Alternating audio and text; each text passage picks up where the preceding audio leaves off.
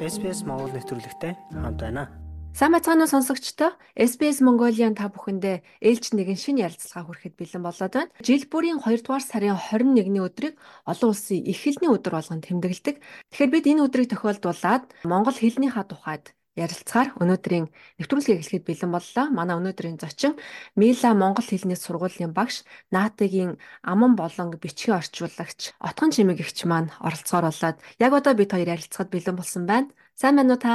За сайн байна уу ундраа. За намайг урьж оролцуулж а, ярилцлагыг хийх гэж байгаад баярлалаа. Маш их баярлалаа. За зочноо бид ярилцлага эхлэхээс өмнө товч танилцуулъя гэж бодож байна. За Отгон Чимэг эгч маань Монголд 18 жилийн туршид монгол хэлний багшаар ажиллаж байсан. За мөн Хятад улсад Хибэй мужид олон улсын сургуульд 3 жил Монгол англи хэл зааж байсан туршлагатай Австралид ирээд мөн Мельбурний их сургуульд хэл шинжилгээний тэнхимд хэлний зөвлөхөр ажиллаж байсан. За харин одоо Милаг хэмээх монгол хэлний сургуулаа байгуулад ажиллаж байгаа. Хэлний хувьд одоо биднэрт яа харахгүй чухал их сурулж болох хүн байгаамаа. Тэгээд танд олон улсын их хэлний өдрийн мэд хүргэе. За баярлалаа ундраа. Өнөөдөр олон улсын их хэлний баярын өдөр. Тэгээд нийт олон одоо багш нартай Монголд байгаа гадаад байгаа бүх багш нарт баярын мэд хүргэе. За баярлалаа. Та Австралид олон жил амьдарч байгаа. За бас сая дурдсанчлан Мельбурний их сургуульд хэл шинжилгээний тэнхимд зөвлөх багшаар ажиллаж байсан.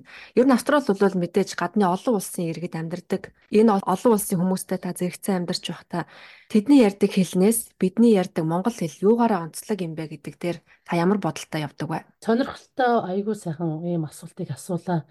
Би бол хэлний багш учраас хүмүүсийн одоо англи хэлээр яаж ярьж байна хүүхдүүд монгол хэлээр ер нь ярьж гин үү гэх мэтлэн одоо хүмүүсийн хэлэн дээр маш ингэж анхаарлаа төвлөрүүлдэг. Тэгэхээр монгол хэл бол өөрөө одоо маш олон тийм авиг агуулсан хэл учраас бид нар ямар нэг хэлийг сурахад ямар нэг авиг хэлэхэд бол ямар ч тийм асуудал байдаггүй. Харин гадаадынхан эсвэл одоо гадаад байгаад олон жил болцсон хүүхдүүд, томчууд ингээд их хэлээрээ ярихаар ялангуяа их хэлээрээ огт ярьж үзээгүй хүүхдүүд маань ингээд ярихаар зарим авиг бол дуудаж чаддаггүй.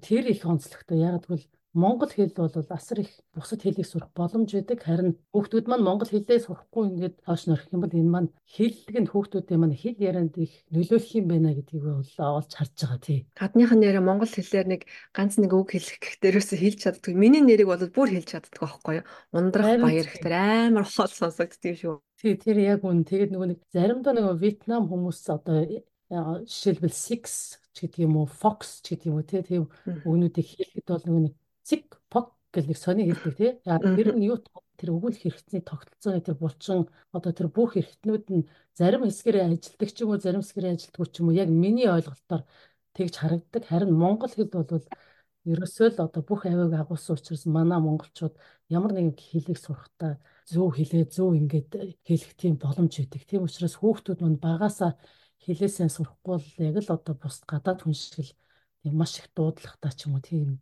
болох юм болов уу гэсэн юм зүйлийг маш их олж харж байгаа. Ер нь хүн төрлөختөн зөвхөн монголч гэлгүй өөрийн төрлөх их хэлээ алдвал тэр хүнд ямар аюул тохиолдож болох вэ?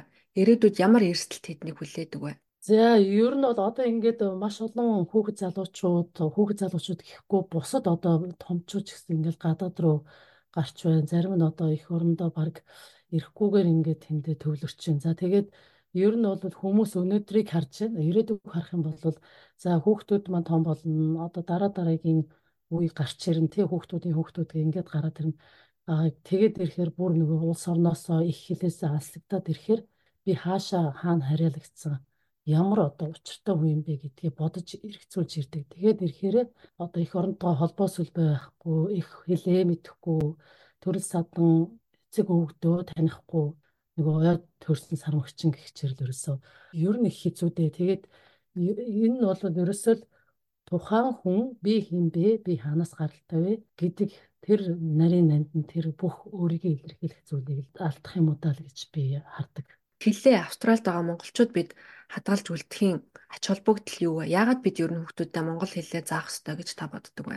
За маш чухал асуулт байна. За тэгээд ер нь бол эцэг эхчүүд ингэдэг. За хүүхдүүд маань Австралид ирлээ. Ер нь өөр одоо ямар тухайн оронд ирлээ, тухайн орны хэлээр өөрсдөө ярмаар байдаг. Хүүхдүүд нь ярмаар байдаг тийм ээ. А тэгээд сургуульд явуулна, цэцэрлэгт явуулна. Хүүхд маань дөнгөж ирсэн болохоор нөгөө хэл мэдэхгүй. Тэгэхээр манай эцэг эхчүүд яг үгээр нөгөө нэг тэрэндээ ингээд э, санаа зовоод англи хэл сурах гээд ингээд шахаад идэг. Би одоо эцэг эхчүүд юу гэж хэлэх вэ гэхээр Хүүхдүүд битэж тэгж шахаарай. Хүүхдүүд бол ерөөсөө маш ухаантай. Тэд нар бол зүгээр сонсоо тэр хэлийг бол ингэж өөрсөндөө нэг нэг порлон шиг ингэж өөрсөндөө ингэж авч идэг. Тийм учраас энд төрсэн бол монголоор нь яриад сургаараа энд төрөөгүй монгол хэлээрээ ярьдаг байгаад ирсэн бол тэр хэлийн хадгалаад үлдээрэй тогтмол хүүхдтэйгээ ярих хэрэгтэй. Тэгвэл бид нар монгол хүүхдүүдтэй монгол хэлээ сургах хэлбэр аргуудаасаа тавс нэрлэж. За тэгээ би ерөөсө товчхон нэг таван зүйлийг энд нэрлэе гэж байна. За тэрний үхээр ерөөсөө хүүхдүүдтэйгээ тасралтгүй монголоор ярина. Тэгэхээр манай эцэг эхчүүд бол мэдэхгүй ойлгохгүй гэж бодож байгаа. Тийм учраас бүр тасралтгүй монголоор ярина. нэгдүгээрт. За хоёрдугаарт хүүхдээсээ асуулт асуу, маш энгийн асуулт асуу. Тэгээд хариултаа авахдаа богино биш. Ерөөсө бүтэн асууснараа хариултыг авах хэрэгтэй. Гуравдугаарт 7 хоногт ядаж нэг удаа цаг гаргаад ерөөсө монголоор ярилцаж тоглох хэрэгтэй. А дөрөвдүгээрт гэх юм бол одоо ойр дотны хүмүүстэй одоо Монголд байгаа хүмүүстэй одоо өвөө эмээтэй нь ялангуяа байнга яриулах хэрэгтэй. Буур ингээд видеогоор ингэж хүүхдүүдэд яриулах хэрэгтэй. За хамгийн сүүлд нь бол би хичээл заадаг хүүхдүүдтэй одоо байнга хэлдэг бас зүйл маань нэг бол Монгол ахгүй гэсэн юм буланг бий болоход тэр булан маань гэхээр би Монгол хүн шүү гэдэг тэр мэдээллийг хүүхдэд чимээгүй өгчээдэг хүүхдүүд маань барьж аваад энэ юу энэ яа ингэж нэг сонирч цангаар асууж идэг. Тэр бас одоо хэл сурах бас жижиг хэрнээ маш том нөлөөллийг өгдөг ийм зүйлүүд байж байгаа. Маш их баярлалаа. Тэгээд сонсогчид маань энэ Оги багшийн таван зөвлөгөөг дахиад яг тогтож харъя гэвэл бид нэр Facebook дээрээ богино видео хийж оруулсан байгаа. Та бүхэн тэндээ сонсоорой. Монгол хэлээ хамгаалахын тулд бид нар юу хийх ёстой вэ? Магадгүй энэ гадаадд байгаа монголчууд ялангуяа эцэг эхчүүд тодорхой үүрэг хүлээж болох юм тий. Бид нарын хийж чадах зүйл бол их хэлээ хадгалж үлдэхийн тулд их хэлээ өвлүүлж үлдэхийн тулд одоо өөрсдөө их хэлээр ярьдаг, бичдэг, зөв бичдэг. Одоо Facebook дээр жишээлбэл нэг зар тавилаа ихэд одоо second room түрээсэн ч юм уу те нэг тийм англи хэлээр холсон ийм яригадад байгаа тэрийгэ болоод хүүхдүүдтэй хэлийг нөвлүүлээд за тэгээд ер нь бол мэрэгжлийн тийм монгол хэлний багшаар хичээлийг хүүхдэд заалгах хэрэгтэй. Тэгэхгүй бол зүгээр нэг одоо би багш би сургууль байгуулсан би багш байна гэд тэр хүмүүс маань нөгөө хүүхдүүдтэй хэлийн заахгүй байна. Яг тэгвэл зүгээр нэг өдөр өнжүүлэх маягтай байнгут нөгөө хүүхдүүд чинь ингээд тэнд сурсан байхгүй. Гэтэл өнөөдөр эргээ харахад нөгөө хүүхдүүд чинь одоо нас хүлээхгүй шүү дээ. Одоо ийм чухал насаар нь бид нар одоо хүүхдүүдээр тоглож болохгүй. Ерөөсөө л их хэлийн сайн одоо зааж өвлүүлэх ийм л одоо шуурхай арга хэмжээнд бид нар орох хэрэгтэй. Энэ ингэснээрээ бол асар том үүргийг бид нар бас үүрч явах юм аа гэж би бод. Та сая нас гэж дурдлаа. Ялангуяа энд гадаадд төрсэн хүүхдүүдэд хэдийн наснаас нь монгол хэлийг зааж эхлүүл тохиромжтой байдаг бай. Бас хэдийд оройтсан гэж үзэж болох бай. За ер нь одоо би ингээд энэ Австралид ирснээс хойш бараг 7 жил монгол хэлээ заачлаа тий. Тэгээд ингээ харж байхад хүүхдүүдэд ер нь ярианы хэлийг ер нь 5 наснаас бичгийн хэлтэй хослууд заавал их зүгээр. Гэхдээ хүүхд маань яриа сонсголын тэр чадварыг бол гэртээ 100% ямар нэгэн сургуульд явахгүйгээр ямар нэгэн төлбөр төлөхгүйгээр яг одоо өнөөдөр яг энэ мөчөд яриад ах хүүхэд маань тэр ярианы хэлийг сурж идэг сонсголтойгоо хамт. Харин бичгийн хэлийг бол 5 наснаас эхэлж сурвал их зүгээр 5-аас 6 наснаас А тэгээд хүүхэд маань 13 наснаас дээшөө ингээд болоод ирэх юм бол хүүхдийн сонирхол буураад ирчихсэн. Тэгээ яагаад сонирхол буурж байгаа гэхээр одоо манай монгол хүүхдүүд австрал дээрээ жишээлбэл австрал хүүхдүүдийн сурах арга барил, хэв маяг, сэтгхүү ийм тэр хүүхдүүд чинь ингээд шингээд ороод ирчихсэн шүү дээ. Хүүхдүүдийн одоо ерөнхий хандлага зан чанар ингээд өөрчлөгдөж ирж байгаа. Тэгэхээр 13-аас дээш наснаас эхлээд ирэхээр үгүй би наадах чинь сурахгүй гэж хэлнэ шүү дээ одоо энэ улс оронд байж байгаа хүүхдийн эрх одоо хүний эрх гэдэг юм ямар байдаг вэ? Бид нар бүгдээрээ мэдж байгаа чи сурч чигээд одоо хүүхдээ нэг алгадаж аваад хичээлд явуулах юм бол айгууд бол одоо цагтаадуудад хэрэгтэн болно. Тийм учраас тэрнээс өмнө л ер нь одоо тэр бусад орны улс орны хэл ахуйс соёлтой танилцж байгаа энэ хүүхдүүдийг тэр 14 наснаас өмнө болж игэл 12 наснд нь багтаагаад их хэлийн сурахгүй болохгүй л гэж би боддог. Маш эрчимтэй сурдаг нас. За Монголд байгаа хүүхдүүдэд монгол хэлээ заах нэг өөр.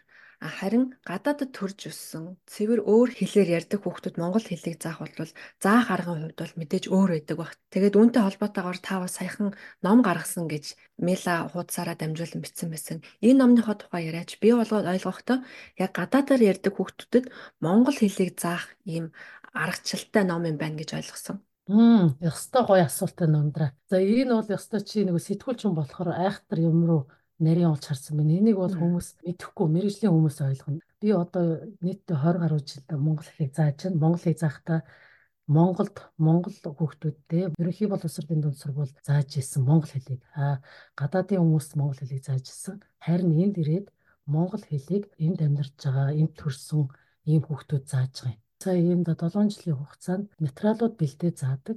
Ялангуяа англиар ярьдаг улс орны хүүхдүүд зориулсан юм сур хүчиг чадах ядах хэрэг хийлээ л да. Тэр нь болохоор яг үгээр монгол хэлний одоо нөгөө нэг хүүхдийн маань зөв сайхан бичихтэй тэр монгол хэлнийхэн тэр зүйлийг хадгалж аваад тэрэн дээр монгол хэлийг монгол хүүхдүүд маань гадаад хэл гэдэг утгаар нь сурж байгаа гэдгээр нь монгол хэлийг монгол хэлнийхэн тэр одоо хэв маягийг хадгалах маягтайгаар гадаад хэл гэж ингэж хослуулсан маягаар энэ сурагчийг хийсэн. Аа тэр энэ сурагч бичихт болохоор хүүхдүүдийн зөв сайхан бичих, хүүхдүүд орчуулах хийх. За тэгээд одоо зургаар одоо үгийн сангаа илэрхийлэх, үгийн сангийн нөөцтэй болох. Тэгээ уншлах гэж байгаа. Уншлах нь болохоор яг хуу авдар гэдэг үг үлээхэд одоо авдрыг модоор хийдэг. Мод, ой мод, модны үлдвэр дархан хүн гэж дархан хүн авдар хийвч гэх юм уу нэг өгүүлбэр болгоо тий. За тэгжээс хүүхд маань ойлгон тэрийг зургаар илэрхийлнэ. Тэгэхээр яг хуу гадаадд одоо байгаа хүүхдүүдийн сэтгэхүйн таруулсан одоо монгол хэлийг гадаад хэлээр сурах тийм зорилготой ийм ном юм байна. Авдар гэж хэлэхээр надад нэг санаанд орлоо л да. Бид нар хүүхдүүдтэй Монголоос ном авчирч өгөөл уншиж өгөхөөр бүр ерөөсөө үг болгоныг ойлгодгүй тийм Монгол хэлээ мэдхгүйгээс гадна соёлоо мэдхгүй болох тэр нөгөө үлгэрийг бол бүр ойлгохгүй болоод ирж байгаа юм л да. Тэгэхээр бид нэр соёлоо танилцуулах гэдэг бол бас их чухал зүйл энэний ард байгаа бах. Яг үнэ. Хэл соёл хоёр бол ялтчгүй одоо салахын аргагүй тийм хоёр зүйл. Тэгэхээр хүүхдэд одоо байхгүй юмыг уншуулад ойлгуулах гэж зүтгүүлэх бол хэцүү шүү дээ тийм ээ. Эхлээд тэр зургийг харуулад үгээ хэлээд ийм учиртай. Гэхдээ тэдний одоо маш ойрхон сэтгэлд нь ойрхон хэрэглэж болохоо тийм зүйлээс эхлэхгүй бол гинтхэн соёл ах уу гингүүтэл айхтар юм яа. Шумал хүүхд ойлгохгүй тий.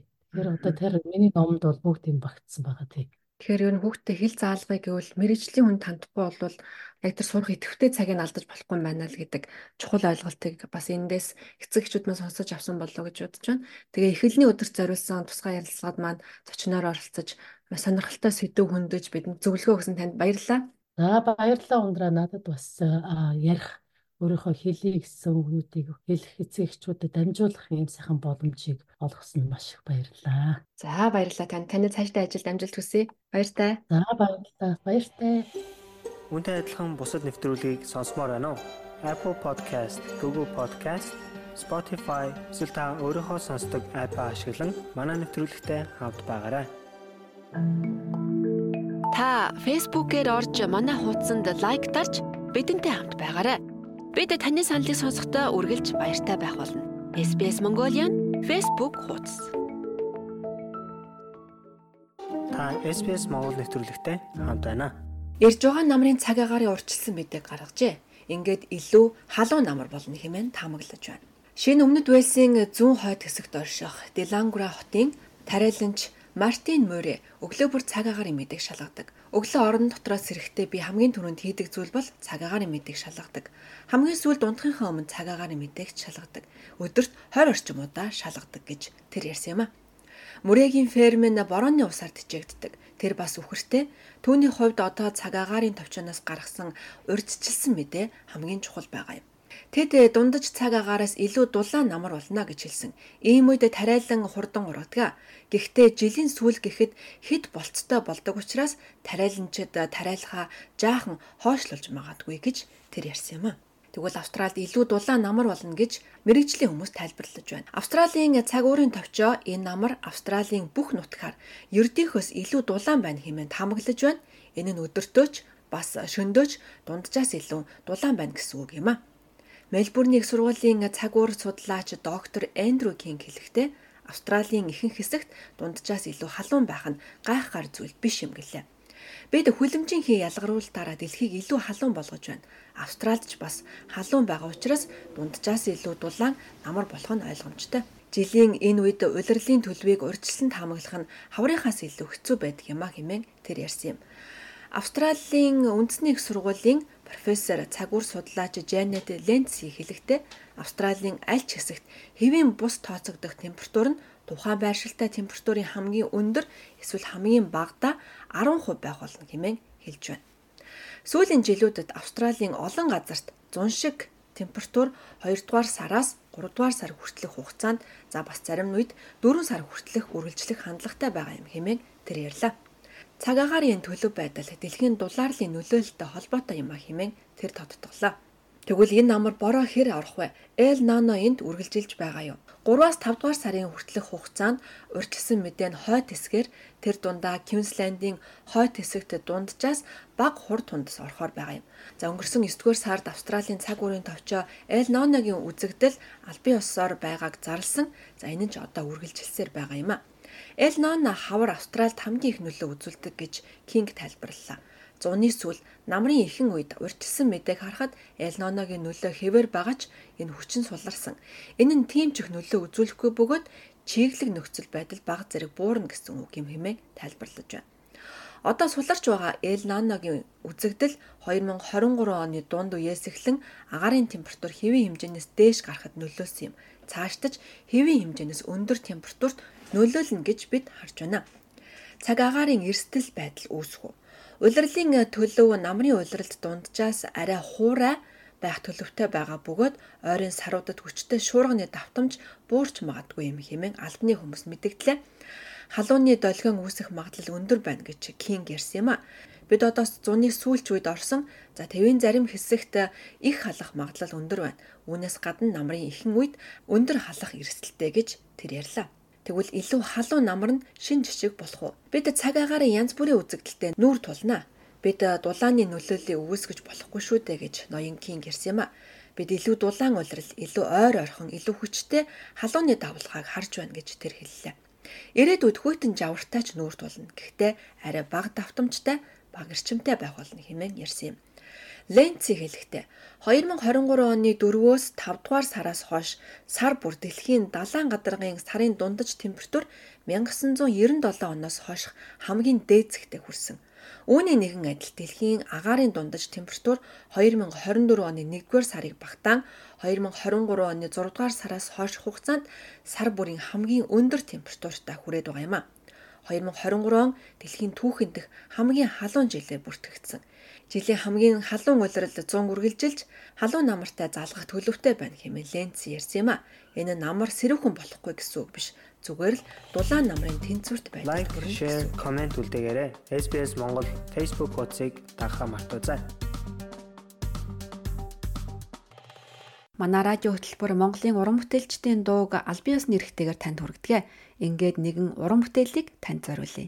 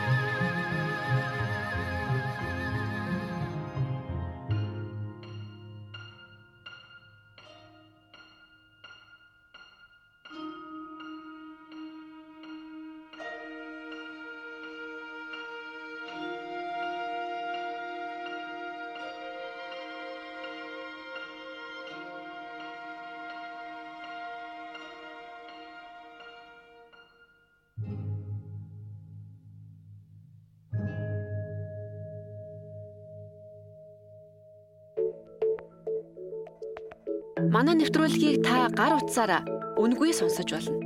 sbs.com.au/mongolian эсвэл SBS аудио апыг яг одоо татаж аваарай. SBS Mongolian Австралийн өнцөг булан борт суугаа монголчуудынхаа төвхийг хуваалцдаг. Ингээд манай ярилцлагын болонд анхаарлаа хандуулно. Та SBS Монгол нэвтрүүлэгтэй хамт байна. Сайн байцгаана уу сонсогчдоо? Бид амлсан ёсоор энэ удаад Австральд мэрэгжлэр ажиллахыг зорж байгаа хүмүүс зориулсан зөвлөгөөг өгөх гэж байна. Бидний өмнөх дугаарт оюутан багтаа Deloitte-д ажиллаж байсан. Харин одоо PwC-д ажилладаг Туяа зочноор минь дахин урагдлаа. Бид энэ удаа түнтэй career coaching-ийн хувьд ярилцах гэж байна. SBS Монгол хэлээр бидний нэвтрүүлгийг Facebook сошиал хуудасаар бусдаа хуваалцаарай. Австральд монголчууд бид нар мэрэгчлэрээ ажиллах боломж ер нь хэр байдаг юм бэ? Австрал мэрэгчлэрээ ажиллах боломж маш их байдаг. Ерөөсөө хамгийн гол нь энэ боломжийг бид нар яаж өөрсдөө бий болгох вэ гэдэг л хамгийн том асуудал баггүй юу? Бид нар одоо жишээлбэл нууцлагдмал боломжууд хаана байна? Аа дээрэс нь өөрсдөөсөө ингэж бас асуучмаар байгаа юм. Ямар байгууллагт ямар мэрэгчлэр ажиллах гэж байгаа юм бэ гэсэн ийм энгийн асуултад хамгийн гол нь бид нар өөрсдөө хариулж чаддаг байх хэрэгтэй байхгүй юу? Энэнд ингээд яг ингээд ихтгэлтэйгээр хариулахын тулд бид нар маш хэмжээний судалгаа хийх хэрэгтэй. Зөвхөн нөгөө нэг эдийн засгийн болон одоо хөдөлмөрийн зах зээлийн судалгаасаа илүү өөрөө өөрийгөө бид нар бас таньж мэдэх хэрэгтэй байхгүй юу? Хүмүүс ерөөсөө огт төлөвлөгөөгүйгээр ерөөсөө гэртээ сууж байгаа л битсэн тийм нэг нэг өргөдлөөрөө одоо резюмегээ аюулгүй болон 200 300 газар руу ингээд явуулаад ингээд хүлээгээ суугаад. Тэр бол ерөөсөө байж болохгүй асуудал. За хоёлаа ингэж төсөөлье. Одоо чипт хоёрын ярилцлагыг яг одоо сурж байгаа оюутан мэрэгчлэр ажиллах зорилготой юм оюутан сонсч ингэж одоо төсөөлье тийм ээ. Тэр оюутан чи юу гэж зөвлөх вэ? Ажлын зарыг юу бид нар хаанаас олж харах хэрэгтэй вэ гэдгээс хоёлаа ингэж яриад эхлүүл. Тэр юу ах вэ? Ажлын зарыг сургуулаасаа. Их сургууль гэдэг маань ерөөсөө зөвхөн нөгөө нэг хичээл хийдэг газар бол биш маш их нөөц боломжтой байдаг. Австралийн ихэнх их сургууль нь өөрсдөө дотроо карьерийн тийм нэг зөвлөгөө өгдөг тийм тасгуудтай угаасаа мэрэгжлийн хүмүүс нь байдаг. Тэрэн лөө очиод ерөөсөө л аплай хийгээд үз. Тэнгүүд чинь чи эхний ярилцлага нь ёо өөрийнхөө талаар 3 минутын ч юм уу тий 4 минутын ч юм уу видео бичиж явуулаа гэдэг. Тэр 3 4 минутын видео бичиж явуулахын тулд чи 3 4 хоног бэлтэнэ. Тэгэж бэлтгэд чи хамгийн гол нь өөрөө өөрийгөө мэднэ Тэгэл тэр чинь эргүүлээ туршлага болно. А тэрний дараа чи дахиад ярилцлагад орно. Тэр чинь тэгээд туршлага болно. За чи сургуулаа төгсөхдөө маш их туршлагыг ингээ хуримтлуулж хагаад бэлэн болсон байгаа аахгүй юу? Тийм болохоор сургууль төгсөлтөө хүлээж юусоо болохгүй. Тэр бол ерөөсөө л хамгийн том алдаа. Эхний курстэй, эхний семестрээ орохдоо би сургууль төгсөхдөө ямар ажлын урилгыг гар дээр авсан байх вэ гэдгийг төсөөлөх хэрэгтэй байхгүй. Төсөөлөд бүр мөрөөдөх хэрэгтэй. За ажлын зар боллоо. Одоо тийшээ бид нар apply хийх хэрэгтэй тийм ээ. Apply-тод бидний хамгийн урдаа барих зүйл бол CV-гээ бичнэ, resume бичнэ. Энэ бол зүгээр хийсэн ажиллаа жагсаагаад бичих асуудал биш тийм ээ. Одоо ялангуяа олон өрсөлдөөнтэй байгаа ажлын байран дээр. Тэгвэл энэ дээр ямар нийтлэг алдаа гаргадаг вэ? Яавал сайн бичиж чадах вэ? За одоо жишээлбэл хүмүүс чинь 6 5-аас 6 секундын дотор хардаг байхгүй юу? Хамгийн дээдлэлт нь 8 секунд уншдаг гэж хүмүүсийн резюмег харлаа. Тэрийг уншихад хамгийн гол нь чиний туршлагууд чинь би ажилд орох гэж байгаа. Ажилтаа дүүцэж гинүү Хүмүүс ерөөсөө энийг ерөөсөө огт ойлгодог байхгүй юу? Зарим хүмүүс бүр ерөөсөө хүнд мөнгө төлөөд резюмег бичүүлчихдэг. Тэгээд тухайн хүн болохоор нэг тийм би энийг ингэсэн, энийг ингэсэн, энийг ингэсэн гэнгээ дот дот болгоо бичсэн. Тэр нь ерөөсөө тухайн хүний яг юу хийсэн, ямар мэрэгчлээ, ямар чадвартайг огт гаргаж гаргаж өгдөг байхгүй. Тэгэхээр би одоо жишээлбэл нөгөө career coachтэй тухайн хүнтэй нэгчлэн нэг бүрчлэн ингэж ажиллаж байхдаа чи яг юу хийсэн бэ гэж тухайн хүнээс асууж штэ. Тэнгүүд чинь за би хаан банкнд одоо ингээд ийм менежер хийсэн. За болж байна. Окей. Чи хамгийн гол нь яг өдрө болгон юу хийж исэн бэ гэ бүр ингэж сайн асуухгүй бол хүмүүс чинь яг юу хийж исэн мартчихдаг юм байна. Тэгээд одоо жишээлбэл таны тэр Монголд хийжсэн чинь эргүүлээд хөрвүүлээд энэ чиний орох ч ажилтай чинь яаж дүүцэж ийнэ гэдэг дээр аюу тийм сайн ухаж ойлгох хэрэгтэй байхгүй юу? Хамгийн гол нь яаж дүүцүүлэх вэ? Эхлээд бичгээр тэр чинь бичиж үзнэ. Бичснийхаа дараа тухайн одоо нөгөө нэг өөрийнхөө experience-ийг ярина. Ярина гэдэг чинь чи нөгөө нэг ярьцлага яаж давах вэ? Тэгвэл арай илүү тийм наривчилж бичих хэрэгтэй гэсэн үг байна шүү дээ. Одоо би сэтгүүлчийн хувьд бол ярилцлага хийдэг гэд орхих биш. За магадгүй би ярилцлага хийхдээ тэгж бэлддэг, тийм сэдвэр ярьдаг те эсвэл одоо ийм төрлийн асуулт тавьдаг гэдэг юм уу илүү тийм наривчлсан байдлаар тавьжээж өөрийгөө илүү харуулах юм байна гэж ойлголоо. Тэглгүй яах вэ? Тэгээд дээрэс нь тухайн хүний одоо жишээлбэл таны хувьдаар ингээ ярихад үзэх юм бол та миний хариултыг сонсож байгаад хариултан дээрээс мань үндэслээд аюу гой асуултуудыг ингэж уруулж асууж штэ. Тэрнээс биш та зүгээр нэг тийм надад нэг ийм хэдэн асуулт байгаа. Би энийг асуугаад болно гэхгүй тий. Тэрэнд чинь тодорхой хэмжээний critical thinking явж байгаа байхгүй юу? Тэр чинь чадвар хүн болгонд байдгүй чадвар байхгүй юу? Тийм болохоор таны comparative advantage чинь юу юм бэ? Тэ хүн болгон биднэрт байдаг байхгүй хамгийн гол нь тэрийг бид нар өөрсдөө эхлээд ухаж ойлгох хэрэгтэй.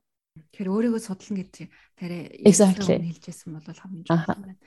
За ингээд тэгвэл хамгийн чухал шатанда хоёлаа бид хоёрын битсэн CV resume тэнцлээ. За ажлын ярилцлаганд урагдлаа. Энэ дээр өгөх ямар зөвлөгөө байгаа вэ? Ер нь бол туршлага маш их хэрэгтэй. Бэлтгэл айгүй хэрэгтэй байхгүй юу? Тэгээд а би бас нөгөө нэг одоо ингээ хөтөлбөр дээрээ угаасаа бид нар mock interview авдаг байхгүй юу? Яг тэр нөгөө нэг бизнесийн ярилцлагууд яаж авдаг тэрнтэй адилхан. А дээрэс нь би яг л нөгөө нэг ярилцлагад ямар асуултуудыг тавигддаг тэр асуултуудыг нь тавина. Тэгээ тэр нөгөө хамгийн гол нь одоо ярилцлага ингээ рекорд хийчдэг юм биччихдэг гэсэн видеогоор. Тэгмүүд чинь хүн чинь өөрийнхөө би гараа эсвэл те ямар нэгэн байдлаар одоо өөрийнхөө body language нь ямар байна гэдгийг урд нь огт анзаарч харж байгаагүй хүн чинь өөрийнхөө рекординг харангуудаа анзаарч хардаг байхгүй юу. Тэнгүүд чинь тэрэн дээрээ тулгуурлаад хүн чинь өөрөө бас өөрөө өөрийгөө арай дээшлэн штэ тийм ээ. Тийм болохоор бэлтгэл маш их сайн хийсэн байх хэрэгтэй. Бэлтгэлийг чи хийхэд аюул олон хүнтэй хийж болно шүү дээ. Чи найзтайгаа хийж болно, нөхөртөөгөө хийж болно, тийм ээ. Ганцаараа одоо толон тараад хийж болно. Би угаасаа public speaking аюул хийдэг байхгүй юу? Ер ажил дээрээч, ажлын гадуурч бэлтгэхдээ ерөөсөө л толон тарна. Толон тараад хүнтэй ярьж байгаа юм шиг ярина. Миний гар хитрхи заримдаа ингээд айгүй хөдлөх гээд идэг. Гараа би яаж ингэж одоо э, барьж яах вэ те? Ямар одоо ингээд posture авах уу гэх мэтчлэн. Аа дээрэс нь өөрийнхөө сэтгэл зүйг маш сайн бэлдсэн байх хэрэгтэй хүмүүс контента өнгөтэй сэтгэл зүгээ бэлддэг. Тийм болохоор би хүмүүст бясалгал заадаг, mindfulness заадаг. Яагаад вэ гэхэлэр бид нар одоо нөгөө нэг өөрийнхөө эмоцо барьж чадахгүй байх юм бол сандарснаасаа болоод хамгийн гоё юмнуудыг хэлж чадахгүй ярьцлагын боломжийг алдчихж байгаа асуудлууд аюух гардаг байхгүй юу. Тэгээд ярьцлагад ороход чинь ундраа би угаасаа ярьцлагыг ингэж үздэг байхгүй. Энэ ерөөсөө л storytelling. Storytelling буюу ерөөсөө л чи түүх өвүүлж байна гэсэн үг. Тэ чиний нөгөө нэг resume чинь чамайг энд ингэсэн тэр тэгсэн гэд бүгдэрийг бичээд өгсөн байгаа штэ. Ярьсгад орох чинь хамгийн гол нь тэр нөгөө нэг бичигдээгүй юмнуудыг чи яаж ярьж өгөх вэ? Чи яагаад ингэж ажлыг энд хийсэн бэ? Яагаад ийм байгууллага одоо ийм кафед ажиллах шаардлага гарсан юм. Магадгүй чи мөнгөний шаардлагаар кафед ажиллаж исэн байж магадгүй. Тэгээд эргүүлээд ингээ харангуут чинь би кафед ажиллаж байхдаа юу юу сурсан юм бэ гэдгийг үнслэнгүүтээ би хүнтэй харьцагдсах маань одоо миний хамгийн муу чадвар байсан тий. Тэнгүүдээ би Австралид ирэнгүүт хүүхдтэй хүнтэй харьцах тийм харилцаагаа дээшлүүлээ гэдэг утгаараа би кафед ажилласан. Яагаад гэвэл кафед ажиллаж байхад чинь өдрөө болгон маш олон хүмүүстэй харилцсан. Чи угаасаа ярих шаардлага гарна. Тийм үү? Тийм учраас би энэ ажлыг сонгосон юма гэж нөгөө нэг одоо өөрийнхөө хийжсэн ажлаа хамгийн гол нь ямар өнцгөөс нь тайлбарлуулж өөрөө өөрийгөө чадварыг сайн харуулах вэ гэдэг чинь л ерөөсөө бас чадвар байхгүй юу? За энэ бясалгалын сэтгэл зүйн талаар хоёлаа дараа чичтэй ярилцъя гэж бодож байна. За одоо бид нэр ингээ өөрийгөө илэрхийлэхдээ би сурч явах үедээ ийм одоо ийм чадваруудыг өөртөө авсан гэдэг юм өөрийгөө илэрхийлэх бас нэг чухал зүйлүүд байгаа шүү дээ. Би тэгвэл одоо сурж байгаа оюутнууд ажилд орохоор төлөвлөж байгаа бол ямар чадваруудыг өөртөө суулгаж явах хэрэгтэй вэ? Аа хамгийн ихний чадвар мэдээж боломжтой technical technical technical чадвар гэдэг маань яг чи нөгөө нэг санхугаар сурж байгаа бол чи мэдээ санхүүгийн technical чадвартай байх хэрэгтэй. Тэр чадварыг чи сургуулиараасаа олж болно тийм ээ. Одоо тодорхой хэмжээний assessment хийгээд ч юм уу. А дээрэс нь сургуулиасаа гадна мэрэгжлийн одоо нөгөө нэг internship гэсэн юм байгууллагаар дэмжихүү үйл ажиллагаар олж болно. Эсвэл ажиллаар олж болно тийм үү. Хоёрдугаарт нь чиний ерөөсөө transferable skills. Transferable skills гэдэг чинь ерөөсөө хөврөх боломжтой тийм чадварууд ахгүй юу? Ресторанд ажиллаж исэн хүмүүсийг хүмүүсийг одоо зохицуулах тий а тодорхой хэмжээний манлайлал хийх а ялангуяа attitude би ер нь бол adaptable байх боломжтой тий ингээд хувирах чадвартай гэдгийг аягуулсан харуулах хэрэгтэй. Тэгээд миний нэг өгдөг зөвлөгөө ерөөсөө бид нар олон улсын оюутан гэдэг чинь бидний хамгийн том чадвар ахгүй юу? Тэднийг ерөөсөө бид огт мартчихад байгаа. Яагаад вэ гэхээр тэрийг би яриа гэж хүмүүст угаасаа зөвлөдөг байхгүй? Ярьцлага дээр. Бид нар тэрэн дээрээ маш их бахархалтай байх хэрэгтэй. Яагаад вэ гэхээр би гэр бүлийнхнийгаа бүгдээр ингэ орхиод Австрал твд гав ганцаараа ирээд англи хэлийг шинээр сураад бусад шин найз нартай болоод хүрээлэлтэй болоод их сургуулийг нь төгсөөд ажилд олно гэдэг чинь маш том хэмжээний амжилт тахгүй юу? Энийг гаргахын тулд биднэрт маш их хэмжээний одоо emotional resilience гэж яриад байгаа. Тэгэл зүйн тийм нэг үнийг хүч чадах хэрэгтэй. Аа дээрэс нь self motivation. Бид нар өөрөө өөрсдийгөө бас нэг нэг аягүй тийм мотивацтай болгочдөг тийм. Би хэрвээ залахгүй байсан бол Монгол улсаас явахгүй байх юм шүү дээ. Тийм үү? Тийм болохоор би гадаад улсын оюутан гэдэг чинь надад энэ чадварууд угаасаа байна гэсэн үгэ гэдгийгэ бид нар ярьцлагатай аягүй сайн хэлж ойлгуулах хэрэгтэй зүгээр Ваа, наа чи настаа айгүй чухал зөвлөгөө шүү. Яагаад гэвэл тэглгүй яах вэ? Австрали хүнтэй өрсөлдөхөөрөө тэднэрт давуу тал байгаа юм шиг хараад байдаг. Харин эсэргээр надад давуу тал байгаа гэдгээ нотлох хэрэгтэй юм байна үү? Exactly. Хамгийн гол нь тэрийг аюугай гоёор хэлэх хэрэгтэй байхгүй юу? Ялангуяа чи дээрэс нь нөгөө нэг одоо read the room гэж ярьдаг штеп. Хүмүүсийг ингээд ярьслууд чамаас авч байгаа хүмүүсийг ингээд хараад анзаараад бас үзэх хэрэгтэй. Ер нь Австралийн их их том байгууллагуудад одоо аюу олон гадаадын иргэд одоо Австрал болчихсон эсвэл бид нар шиг тийм ээ Австрал нэлээд олон жил ажиллаж байгаа хүмүүс манлайлал хийгээд явж байгаа тухайн хүнийг чи харангуйта за би энэ би олон улсын оюутан шүү гэдгийг энэ хүнд хэлэх юм бол энэ хүн намайг айгүй ойлгож магадгүй Яагаад вэ гэхээр энэ хүн бас тэр замыг тулаад ирсэн байгаа. Яа. Тийм болохоор энэ чинь айгүй чухал ахгүй. Би энэ хүмүүстэй айгүй сайн хэлдэг. Энийг бол ерөөс хүмүүс багш бас ерөөсө бодож тунгааж үзэж байгаагүй юм шиг санагддгийг. Тэгээд энэ ерөөсөө л хамгийн ихний юм. Чи яагаад ингэж асуудаг байхгүй угаасаа надад бид нар угаасаа амар олон хүмүүс энэ альбом тушаалд өрсөлдөж байгаа. Why you? Би чамайг яагаад ажилд авах хэрэгтэй юм бэ? Тэ? Энэ асуултан дээр би яаж хариулах вэ? Тэ? Тэнгүүд чи хүмүүс яагаад гэвэл би ийм мэрэгжил сурсан, тэ? Би ийм дипломатай бүх хүмүүс чинь бүх ажилд орох байгаа хүмүүс чинь бүгдээрээ э, дипломтой магистр хамгаалсан, доктор хамгаалсан хүмүүс байгаа штэ. Чи энэ хүмүүсээс яаж өөр байж чадчих вэ? How can you distinguish yourself, right? Yeah. За одоо хоёлаа нөгөө оюутан дээр буцаад очие. Тэр оюутан сурж явах үедээ хичээлд анхаарсан дээр үү эсвэл илүү их чадвар өөртөө хуримтлуулахад анхаарсан дээр үү? За энийг бол өстой баланслна. Чи хичээлдээ анхаарахгүй байж юусэн болохгүй. Хүмүүс нөгөө нэг ажил ялангуяа цагийн ажил хийж мөнгө олно. Яг амьдралын шаардлага биднэрт байна те. Гэхдээ чи хамгийн гол нь өөрийнхөө мөрөөдлийг бүр айхуу томоор бичээд ханан дээр ингээд наачих хэрэгтэй байхгүй би яагаад австрал ирсэн юм бэ тий австрал ирнэ гэдэг чинь биднэрт амьдрал маань хийж байгаа магадгүй хамгийн том хөрөнгө оруулалт чи энэ хөрөнгө оруулалтыг цагийн ажил хийх гэж ирсэн юм уу? Эсвэл мэрэгчлэрээ ажиллах гэж ирсэн юм уу гэдгийг өдөр болгон өөртөө сануулж авах хэрэгтэй байхгүй. Яг л бид нар мартчихдаг амар их загвуугаас болоод. Тийм болохоор бид нар сургууль дээр яг хичээл дээр аягүй сайн анхаарах хэрэгтэй. Би түрүү хэлгээ мартчихж би багш нартайгаа аягүй сайн харилцаатай байсан. Манай санхүүгийн энэ төр зааж исэн багш нар маань байгууллагуудтай холбож өгч байсан байхгүй юу? Яг гэвэл би тухайн хүмүүсийн хичээлд нь аягүй сонирхолтой байсан. А дээрэс нь аягүй хүндлэлтэй гээсээ гадна тухайн хүмүүсэд одоо хичээлээс гадна би тодорхой хэмжээний харилцаа одоо найз нөхдийн ч юм уу тий ментор маягийн тийм харилцаа тухайн хүмүүст айгүй хөвсгдөг гэсэн байхгүй. Яагаад гэвэл их сургуулийн профессорууд маш их connected болчихсон байдаг индустритайгаа одоо нэг салбаруудтайгаа тэр хүмүүс маш олон хүмүүсийг танина тэр тэр хүмүүсийн таньж байгаа хүмүүс нь маш их хэмжээний ажлын зар гаргаж байгаа.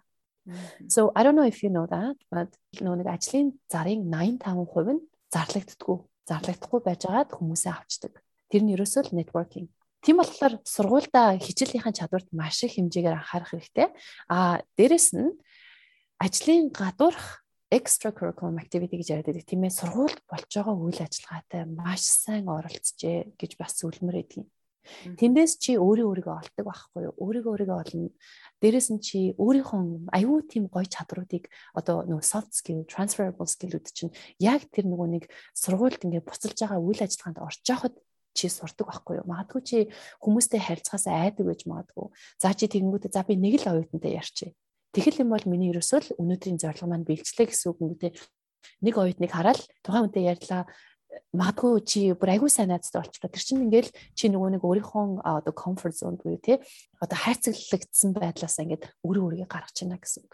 Тийм болохоор баланслах хэрэгтэй гэж би боддгийн ундраа. За баярлалаа Туя. Австрал мэрэгчлэр ажиллахыг хүсэж байгаа хүмүүст хэрэгтэй олон зөвлөгөө багтааж чадлаа гэж бодож байна. Харин хоёулаа энэ удаагийн ярилцлага өндөрлөе. Дараагийн дугаартаа би чамтай Австралд мэрэгчлэрээ ажиллаж байгаа хүмүүст өгөх зөвлөгөөг хүргэмээр санагдаж байна. Маш олон хүмүүс мэрэгчлэрээ өндөр түвшинд, дунд түвшинд ажиллаж байгаа. Тэд нар карьераа өсгөхийн тулд юу хийх ёстой вэ? Дараагийн дугаар уулзлаа. Түр баяртай. Баярлалаа Туя. За баярлалаа өндрөө. SPS Монгол хэлээр Бидний нэвтрүүлгийг Facebook сошиал хуудасаар бусдаа хуваалцаарай.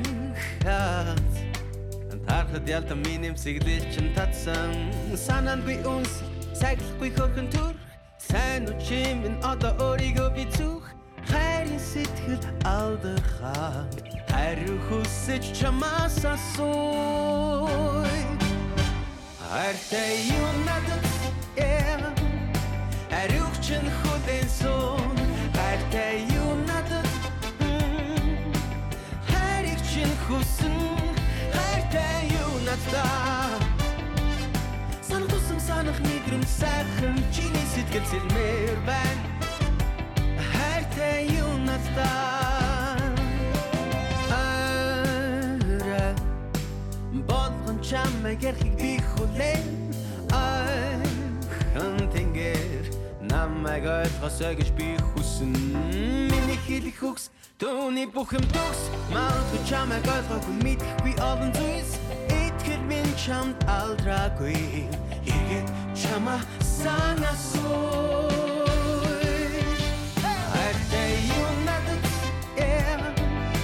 Ариух чин хүлэн сон Хайртай юу надад mm.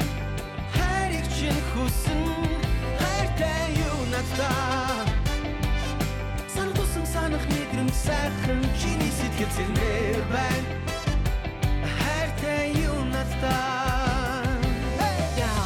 над руу харам мишээж надад өгсөн тэрэл мэдрэмж. Сэтгэлийн утаалгыг ганцхан чийлнэж гарнаас минь зөөлхөн ацгаач хүсвэл бүр чангаар ацгаач бүр тажууд байж харагдаа Тимэн би чам таартай байж магадгүй.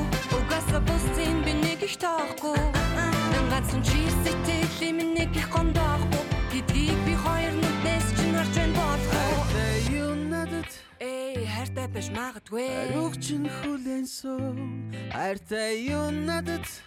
Хайртай байж магадгүй. Хайрыг чин хүсэн Хайртай юу надад? Санах тусам санах мэдрэмж сайхан. Чиний сэтгэл зэлмээр байна Хайртай юу надад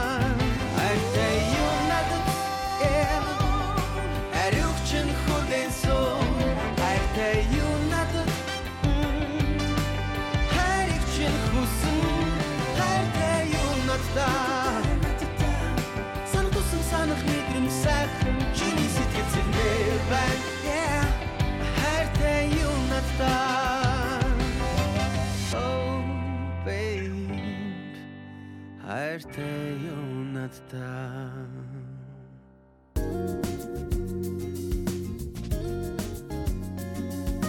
Play дарж долгионоо тааруул. 60 өөр хэл дээрх мэдээ, сэтгэлд нийцсэн хөгжим, сонсохгүй байхын аргагүй хэрэгтэй подкастууд таныг хүлээж байна. SBS аудио апыг татаж ав. Эсвэл sbs.com.au/audio зочлоорой.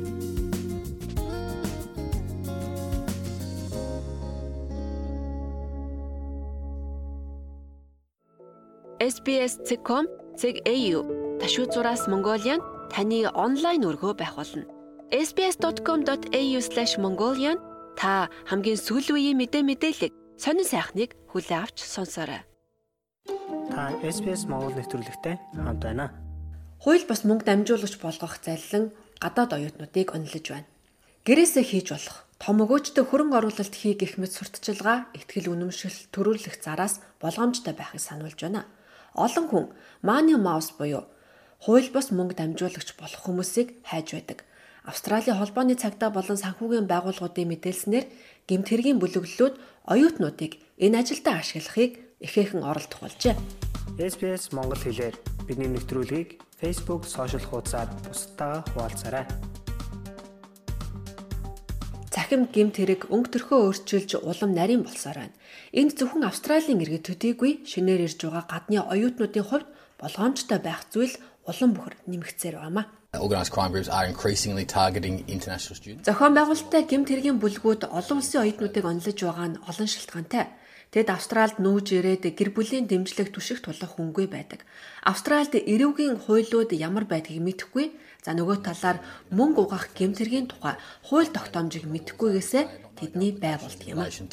Um, anti-money laundering legislation. Энэ бол Австралийн холбооны цагдаагийн газрын ажилтан Тим Стейтоны яриа юм. Амжиргааны зардал улам бүр нэмэгдэж, оюутнууд ийм шийдвэр гаргах эрсдлийг нэмсээр байна хэмээн тэр нэмж ярьлаа.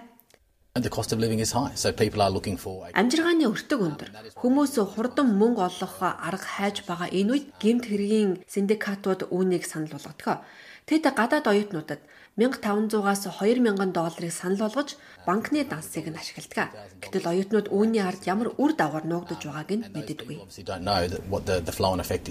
Санхүүгийн байгууллагуудын хувьд энэ нь тэдний үйлчлүүлэгчид рүү залгах шаардлагатай болгож байна. За NAB буюу National Australia Bank-ийн группийн мөрдөн байцаах заллах гэмт хэргийн асуудал хариуцсан захирал Крис Шихан хэлэхдээ хууль бусаар мөнгө дамжуулагчид бол бүх салбарын асуудал юм хэмээн ярьсан байна. At an industry level, we would be talking about Салбарын төвшөнд бид мянган мянган дамжуулагчийн дансыг илрүүлж, хааж, шалгаж, банкнаас гаргах тухай ярилцаж байна. ANC-ийн мөрдөн байцаалтын багийн ажилтан Марк Брум өнгөрсөн оны сүүлээс хойш олон мянган дамжуулагчийн данс байгааг тогтоосон хэмээн ярьлаа. first 3 months we actually identified Бид эхний 3 сардаа гэхэд 3200 орчим дансыг илрүүллээ. Эдгээрийг зөвхөн мөнгө дамжуулах зорилгоор үүсгэсэн гэж бид үзэж байна. Мөнгө дамжуулах нь зохион байгуулалтаа гэмтэргийн бүлэглэлүүдийн нэг удаагийн урьдчилан төлбөр өгч хариуд нь данс руу нэвтэрдэг.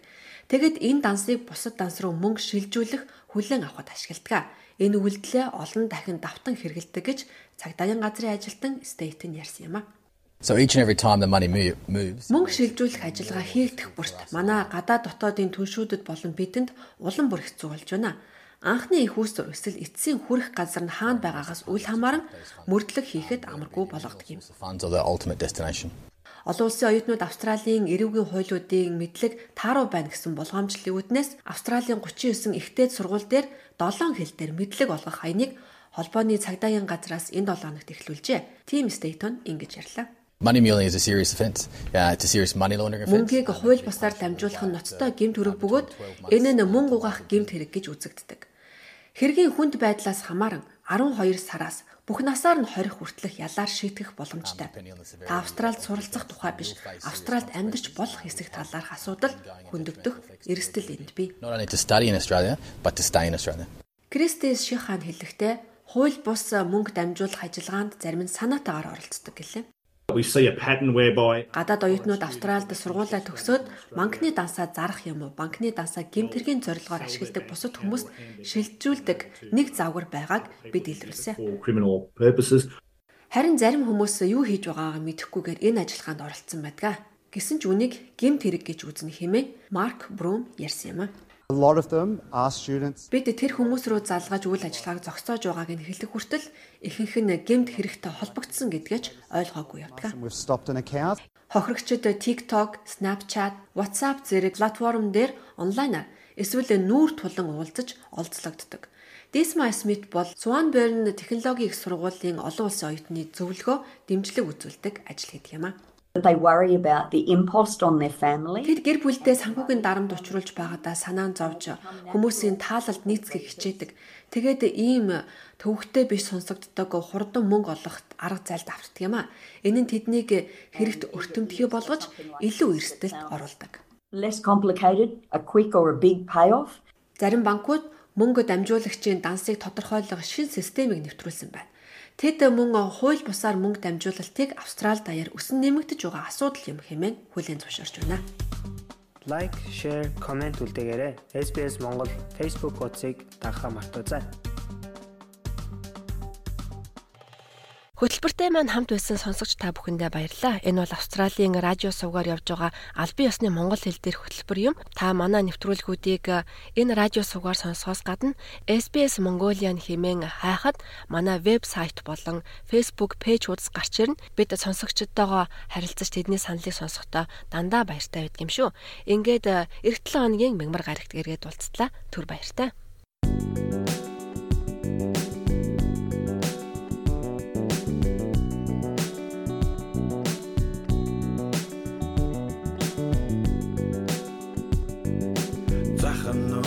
Замын дундуур гарсан Зүдэн сайдэх нүрэн мэн шивнэ Өдөр шөний өнгөн нэжилхээ Эжлээ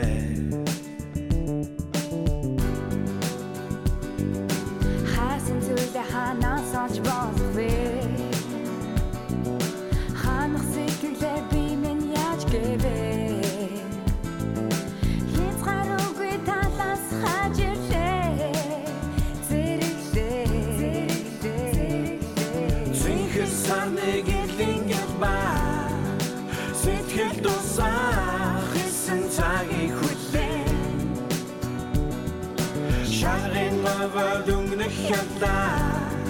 쇠쓴 것처럼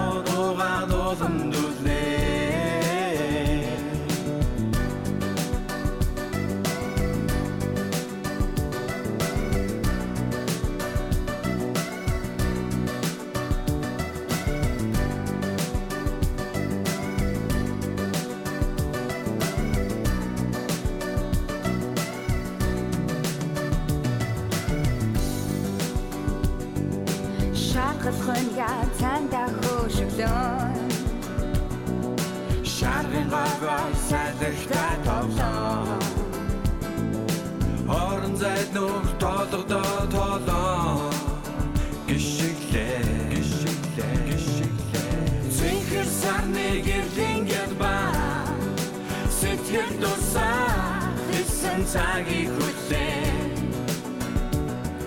Шаргын бавар дүнгнэх ялаа. Сарсан дотроо